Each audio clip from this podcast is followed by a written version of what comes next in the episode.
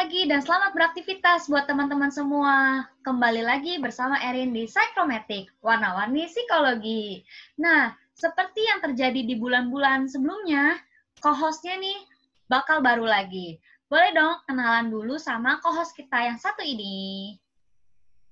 Halo semuanya, kenalin aku Margareta, mahasiswi uh, semester 4 uh, eh, di Universitas Bunda Mulia um, program studi psikologi. Salam kenal semuanya. Salam kenal Eta. Nah, kemarin-kemarin kan uh, co-hostnya semester 5 nih, semester 5, semester 6 ya, seangkatan sama sama Erin. Nah, sekarang co-hostnya ini satu tahun di bawah Erin ya, angkatan 19, yeah. semester 4. Bulan ini bulan Februari. Kalau bu Februari itu biasa identik sama apa sih, Red? Bulan penuh cinta, kasih sayang, ya nggak, Ci? Betul banget. Nah, makanya podcast kita bulan ini, ini tuh spesial banget. Karena banyak banget nih yang request, e, Kak, e, tolong dong bawain e, apa materi yang sangat anak muda gitu. Katanya begitu. Jadi, bulan ini kita bakal bahas tentang toxic relationship. Nah, mungkin banyak dari kalian yang udah familiar ya dengan istilah toxic relationship. Tapi kita di sini mau bahas apa sih toxic relationship itu sebenarnya dan ketika kita berada dalam toxic relationship, bagaimana kita tuh speak up tentang keadaan kita saat ini. Nah, jadi sebelumnya aku jelasin dulu uh, tentang relationship atau hubungan. Nah, jadi kita ini kan manusia ini makhluk sosial. Nah, namanya makhluk sosial, kita ini kan nggak bisa hidup sendiri. Jadi kita tuh membutuhkan satu sama lain. Nah, ketika kita kita membutuhkan satu sama lain, itu menimbulkan adanya interaksi dan kerjasama. Nah, akhirnya terjadilah yang namanya hubungan atau relationship tuh yang tadi apa keterikatan, adanya interaksi, adanya kerjasama antar individu, makanya tercipta sebuah relationship. Nah, relationship dalam hubungan ini nggak hanya merujuk pada pasangan. Jadi kan biasanya mungkin teman-teman taunya toxic relationship itu biasanya untuk pasangan. Tapi toxic relationship ini ternyata tidak hanya merujuk pada hubungan uh, asmara saja atau hubungan antara pasangan, tapi merujuk juga pada hubungan pertemanan dan hubungan timbal balik antara atasan dan bawahan. Iya, benar banget kayak tokoh psikologi juga ada yang bilang namanya Golden Alport dalam penelit uh, dalam teorinya dia dia tuh bilang kalau misalnya manusia itu adalah makhluk dengan ciri dan karakteristiknya beda uh, sendiri-sendiri. Jadi antara satu sama lainnya itu berbeda gitu. Nah, tanpa disadari perbedaan yang ada ini perbedaan yang ada ini membawa dampak dan pengaruh loh untuk orang lain yang ada di sekitarnya. Dengan perbedaan ini, itu tuh bisa memicu terjadinya toxic relationship. Menurut Cici, toxic relationship ini bahaya nggak sih? Nah, menjawab pertanyaan dari Reta, nama dari nama aja di kita udah bisa lihat toxic. Nah, toxic itu kan artinya beracun nih. Nah, dari yeah. nama aja kita itu udah tahu kalau hubungan ini tuh jelas sangat berbahaya. Nah, toxic relationship merupakan istilah yang menggambarkan suatu hubungan yang tidak sehat dan memiliki dampak cukup buruk untuk kesehatan fisik, bahkan kesehatan mental seseorang. Nah, diingatkan kembali nih, hubungan ini tidak hanya dapat terjadi pada hubungan pasangan kekasih saja, tapi dapat terjadi dalam lingkungan pertemanan, lingkungan keluarga, atau mungkin lingkungan pekerjaan. Iya, nah, betul. Itu, enggak cuma itu, itu juga bisa terjadi di pertemanan loh, Ci. Iya, betul banget. Nah, konsep konsep podcast kita bulan ini adalah kita seperti Q&A ya. Jadi kita seperti Q&A. Ya. Jadi aku dan Reta akan uh, menanyakan pertanyaan yang mungkin saja terlintas di pikiran kalian ketika mendengar kata toxic relationship. Nah, yang pertama, pertanyaannya adalah apakah saya berada dalam toxic relationship? Kalau kalau berada dalam toxic relationship, apa aja sih tanda-tandanya supaya saya tuh sadar kalau saya ini ada di toxic relationship. Boleh dijawab, Reta? Hmm, benar-benar. Uh, yang pertama, ini sih bisa diamati ya. Pertama itu, kalau misalnya hubungan yang sehat, biasanya pengen ya ngasih atau mendapatkan rasa perhatian, kasih sayang, ada dorongan dari diri kita untuk memberikan rasa aman dan nyaman untuk satu sama lain. Benar nggak, Ci? Betul banget. Nah, tapi kalau misalnya di toxic relationship ini, kita nggak mendapatkan itu semua. Kita nggak dapat kasih sayang, nggak dapat perhatian, terus nggak ada juga dorongan dalam diri kita untuk kasih rasa aman dan nyaman untuk pasangan kita atau untuk orang-orang uh, sekitar kita gitu. Terus yang kedua, biasanya kan dalam hubungan itu ada pengorbanan, benar gak? Betul. Nah, kalau di toxic relationship, uh, pengorbanan yang di sini itu dilakukan tapi secara berlebihan atau nggak wajar. Dan itu kan pasti berbahaya gitu kan. Nah, terus yang terakhir itu dalam hubungan yang beracun pasti ada salah satu pihak yang mendominasi gitu. Jadi kalau misalnya dua ya aku batuk dalam dalam uh, hubungan kalian terdapat tiga ciri ini kalian tuh harus waspada karena balik lagi yang tadi sharing bilang hubungan yang beracun ini tuh uh, berdampak buruk untuk fisik sama mental kita. Nah, tadi seperti yang Reta udah bilang, dalam toxic relationship itu biasanya ada pihak yang sangat mendominasi, mendominasi dalam uh, dalam hubungan, dalam hubungan. Nah, ketika ada pihak yang mendominasi, individu itu cenderung untuk uh, sulit menunjukkan diri dia yang sesungguhnya gitu. Sehingga tidak jarang individu ini tuh harus berpura-pura jadi orang lain untuk menjalankan dan mempertahankan hubungannya. Nah, berpura-pura menjadi orang lain dalam suatu hubungan itu tuh sangat repot ya, sangat merepotkan dan dapat melukai harga diri orang tersebut gitu. Nah, dengan berusaha menjadi orang lain, orang tersebut tuh jadi sulit untuk dirinya gitu. Sehingga hal ini tuh menghambat pertumbuhan mereka, menghambat perkembangan mereka baik secara mungkin secara kognitif atau secara emosionalnya juga akhirnya uh, uh, sulit untuk berkembang. Iya, bener kayak yang tadi Cirin bilang. Tadi kan di atas di ciri-ciri aku juga ada bilang kalau misalnya salah satu cirinya itu ada pihak yang mendominasi, ya kan?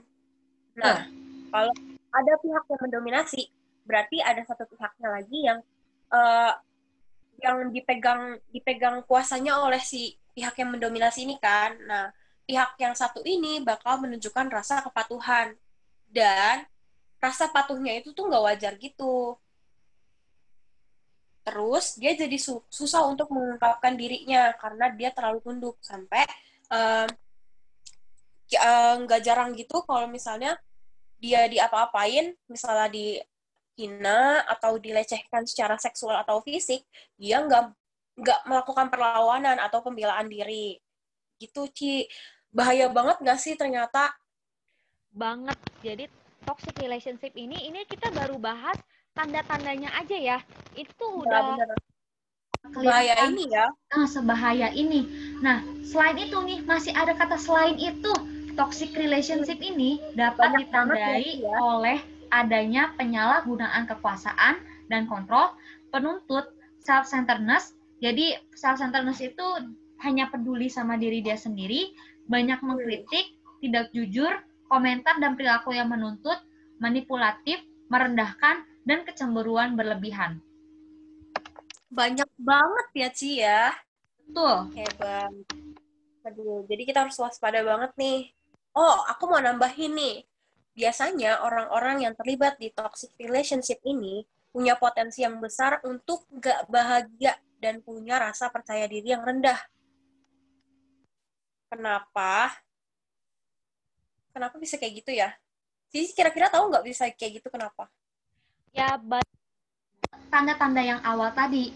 Apa? Karena adanya pihak yang mendominasi, dia terlalu dan dia juga nggak bisa melakukan perlawanan, akhirnya otomatis dia tuh menjalankan kehidupan dia ya nggak ada bahagia-bahagianya. Dia juga jadi kayak kehilangan percaya diri dia karena dia apa-apa ngalah gitu karena ada pihak yang mendominasi dia gitu. Iya, iya bener. Aku setuju banget sama si Erin. Jadi dia tuh kayak manut aja. Jadi ngelakuin apa aja yang orang suka tapi apa yang dia suka tuh nggak terlaksanakan. Nah, oleh karena itu kita harus tahu nih kita tuh ada di hubungan yang benar atau kita ada di hubungan yang beracun. Nah, perlu diingat uh, ini untuk semua uh, kalau kita tuh perlu mencintai diri kita sendiri sebelum kita mencintai orang lain. Kita yang pertama itu harus mencintai diri sendiri. Kenapa gitu? Karena cinta diri sendiri itu sangat sangat sangat penting. Benar nggak, Ci? Betul banget Nah, tadi kan kita udah bahas uh, apa tanda-tanda tanda-tanda seseorang berada dalam toxic relationship. Nah, tadi dari tadi juga kita udah mulai menyinggung dampak dari toxic relationship ini. Nah, jadi pertanyaan kedua adalah apa saja dampak dari toxic relationship ini? Nah, toxic relationship ini secara uh, secara umum, secara umum tadi kan udah dibahas kalau uh, menyebabkan bisa menyebab, bisa menyebabkan gangguan fisik dan gangguan mental. Nah, jadi dari toxic relationship ini akan memunculkan perasaan terisolasi dan kesepian, stres, meningkatkan resiko gangguan kardiovaskular. Mungkin buat teman-teman yang belum tahu, gangguan kardiovaskular ini adalah gangguan fisik, yaitu yang terdapat pada e, gangguan itu menyerang jantung dan pembuluh darah. Kemudian menurunnya kebahagiaan dan rasa percaya diri. Nah, kemudian kalau dalam toxic relationship ini ada tindakan abusif atau tindakan yang kasar gitu, tindakan kasar. Nah, e, ini tuh memunculkan memunculkan rasa kehancuran, perasaan bersalah, perasaan tidak berdaya, depresi, menyalahkan diri sendiri, penyangkalan gitu. Terus dia self esteemnya atau kepercayaan dirinya menurun, perasaan gak aman, sulit berkonsentrasi, gangguan tidur, dan juga kecemasan. Jadi dampaknya itu banyak banget ya Reta tadi dari iya, dampak-dampaknya ada dampak bayangin bisa menyerang gangguan bisa ada gangguan kardiovaskular gitu, ada gangguan kecemasan dan gangguan tidur. Jadi harus beragam uh, ya. Mm -mm, kita tuh harus aware gitu sama toxic relationship ini. Nah, bener banget. Pertanyaan ketiga, ketika kita udah tahu nih tanda-tandanya apa, dampaknya apa, ada pertanyaan, bagaimana cara memperbaiki hubungan yang toksik ini. Nah, eh, kita udah ada listnya nih, cara yang dapat kita lakukan untuk memperbaiki hubungan yang toksik. Boleh Reta di, dikasih tahu apa aja nih caranya? Nih, yang pertama itu adanya keterbukaan dan kejujuran. Nah, biasanya untuk memperbaiki hubungan yang gak sehat itu dibutuhkan uh, keterbukaan dan kejujuran antara satu sama lain. Kenapa gitu? Ini tuh bertujuan biar masing-masing individu tuh bisa mengintrospeksi dirinya, mere, uh, merefleksikan sebenarnya apa yang saya perbuat dan apa yang saya lakukan tuh udah bener apa belum ya gitu. Terus uh, kita juga harus kasih kesempatan antara satu sama lain untuk mengungkapkan perasaannya secara jujur, baik itu yang um, perasaan positifnya atau yang negatifnya. Jangan positifnya aja yang diumbar terus, tapi yang negatifnya dipendam sendiri. Nanti nggak bagus itu jadinya, ya nggak, Ci? Betul. Hmm. Terus yang kedua itu, uh, kita harus belajar untuk jadi pribadi yang percaya diri. Kenapa? Kalau di dalam suatu hubungan itu nggak jarang ya kayak sering banget kita menemukan gaslighting. Ini entah sadar atau tidak. Sebenarnya gaslighting itu apa sih? Kalau gaslighting itu, itu tuh merupakan bentuk manipulatif manipulatif psikologi di mana seseorang itu mulai menabur rasa ketidakpercayaan atau keraguan pada orang lain. Nah, ini tuh bisa jadi pemicu terjadinya toxic relationship. Nah, gaslighting ini bisa bikin orang tuh meragukan penilaian penilaian yang dia buat yang dia buat terhadap orang lain. Jadi dia bakal uh, membuat orang itu tuh merasa rendah diri gitu. Nah, karena itu kita butuh rasa percaya diri biar bisa menangkis gaslighting yang dilontarkan. Nah, itu Ci. Cici punya tips lagi nggak? Masih ada satu lagi nih tipsnya. Apa tuh? Yang ketiga adalah melakukan terapi. Jadi ketik, ketika mungkin kalian dengan pasangan kalian atau kalian dengan teman kalian tidak menemukan uh, titik cerah atau titik tujuan bagaimana menyelesaikan hubungan kalian. Nah, cara ketiga ini bisa dilakukan, yaitu melakukan terapi. Nah, proses terapi ini akan dilakukan oleh pihak ketiga yang memberikan arahan serta masukan atau atau suggest atau saran secara objektif atas permasalahan yang terjadi. Tapi perlu diingat, pihak ketiganya ini adalah profesional. Seorang profesional mungkin bisa konselor atau psikolog atau psikiater ya. Terserah kalian lah, kalian mau uh, konsulnya sama siapa, kalian mau minta sarannya sama siapa gitu. Nah, hmm. kenapa harus Berarti sama profesional gitu? Kenapa nih harus sama profesional?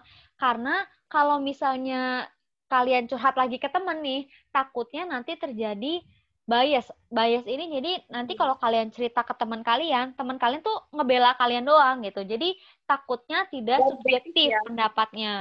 Nah, makanya dibutuhkan profesional supaya kalian misal kamu dengan pasanganmu atau kamu dengan temanmu bisa mendapatkan pemikiran yang lebih objektif gitu bisa dapat titik terangnya ya. Iya, titik terangnya berarti itu objektif kita, gitu. Hmm, berarti kita nggak boleh takut buat pergi ke psikolog ya atau uh, profesional gitu ya sih? Betul, karena sekali lagi nih ditekannya nih, karena yang datang ke psikolog itu bukan hanya orang dengan gangguan kesehatan mental, tapi kalian yang sehat nih, kalian yang sehat atau kalian yang cuma, aduh saya stres nih sama ujian, tapi kalian butuh, uh, kayak butuh teman cerita nih, butuh seseorang untuk mendengarkan kalian, tapi kalian merasa butuh pendapat yang lebih yang lebih objektif gitu, kalian bisa datang ke psikolog gitu. Kalau misalnya kalau misalnya nih kalian mikir ah psikolog profesional tuh mahal gitu. Nah, kita bisa menggunakan uh, banyak loh sekarang apa ya layanan-layanan psikologi tuh banyak yang uh, gratis kayak di puskesmas atau di layanan kampus atau di layanan kesehatan mental kampus atau juga kalaupun berbayar biasanya sekarang tuh udah mulai banyak psikolog eh, psikolog-psikolog itu lebih murah ya bayarannya kayak di aplikasi tertentu itu uh, ba kita bayarnya tuh nggak mahal gitu. Hmm, gitu ya, Ci. Aku baru tahu loh. Makasih, Ciarin udah kasih info. Sama-sama. Nah, pertanyaan terakhir.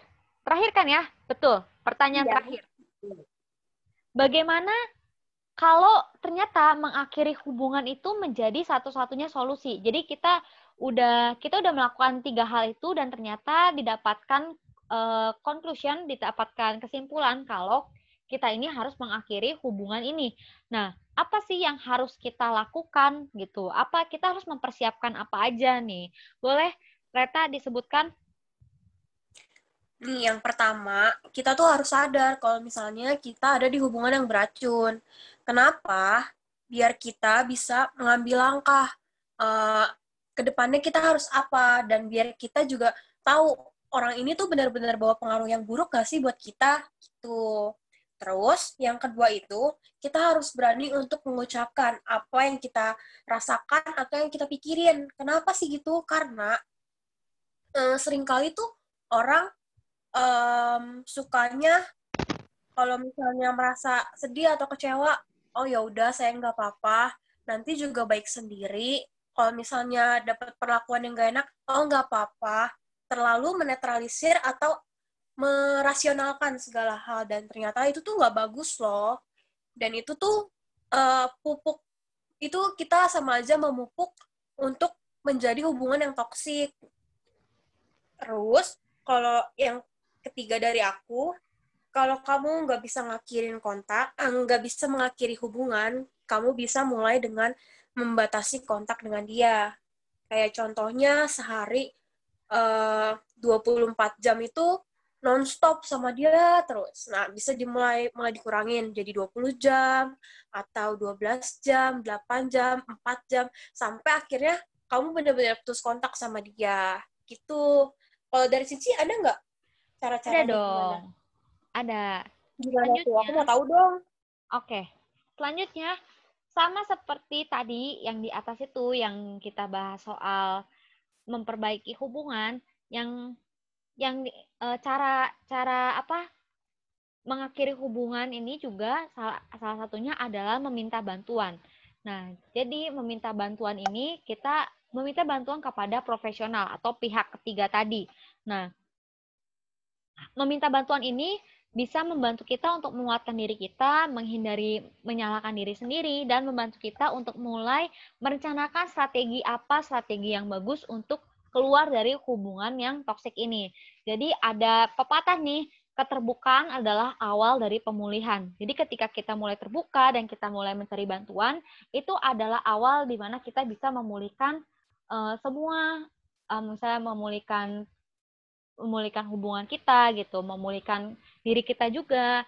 Nah, yang terakhir adalah membuat batasan dan patuhi batasan tersebut. Jadi mungkin kalian masih ketemuan gitu, mungkin kalian terpaksa masih harus ketemuan. Nah, kalian harus membuat batasan gitu. Misalnya buat batasan di sini misalnya uh, misalnya orang itu orang itu biasanya maksa mak, uh, selalu minta duit ke kalian gitu. Misalnya misalnya anggap aja itu rekan kerja kalian. Rekan kerja kalian ini tuh selalu minta duit ke kalian.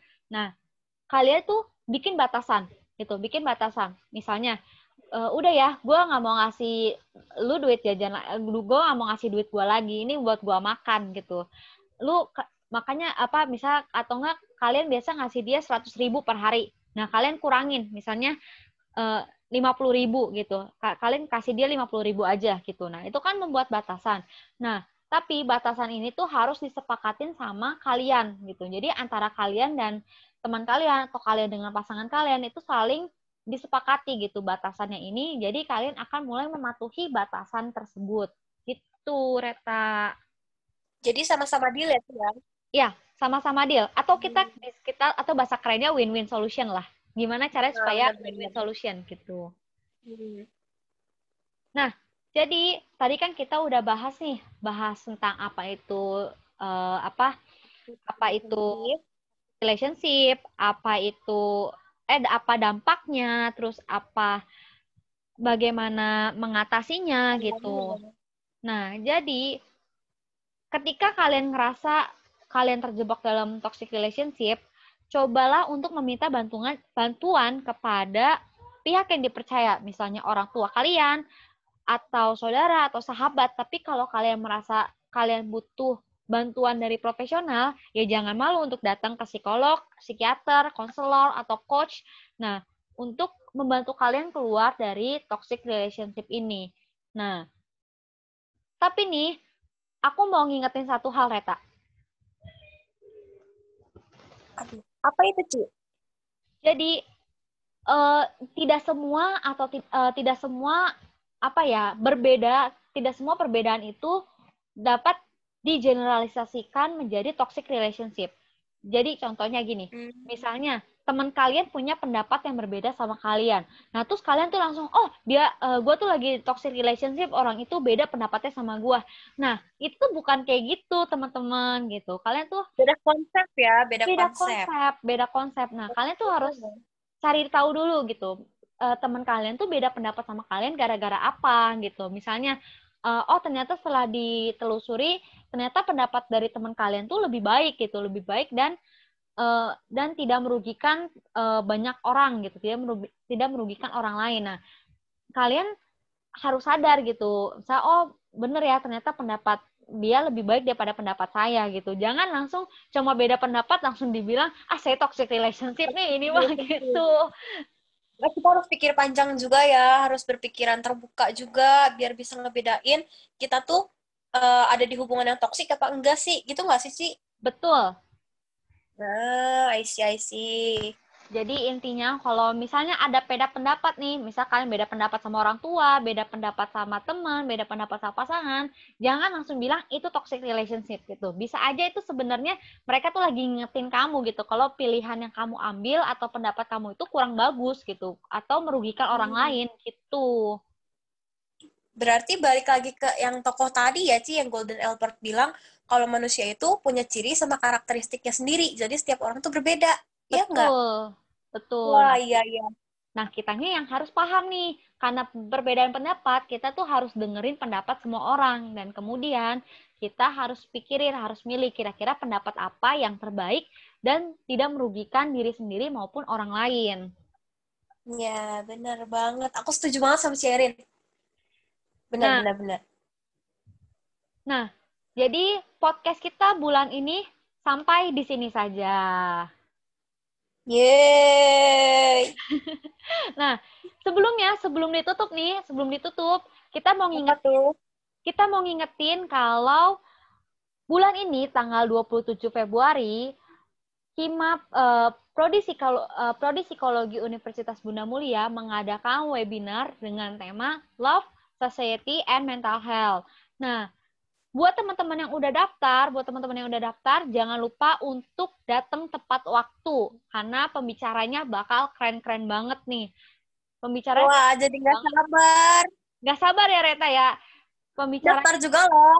Hmm, kita spoilerin aja kali ya isinya apa nih seminarnya mau bahas apa Boleh. aja kita boleh, spoiler boleh, boleh.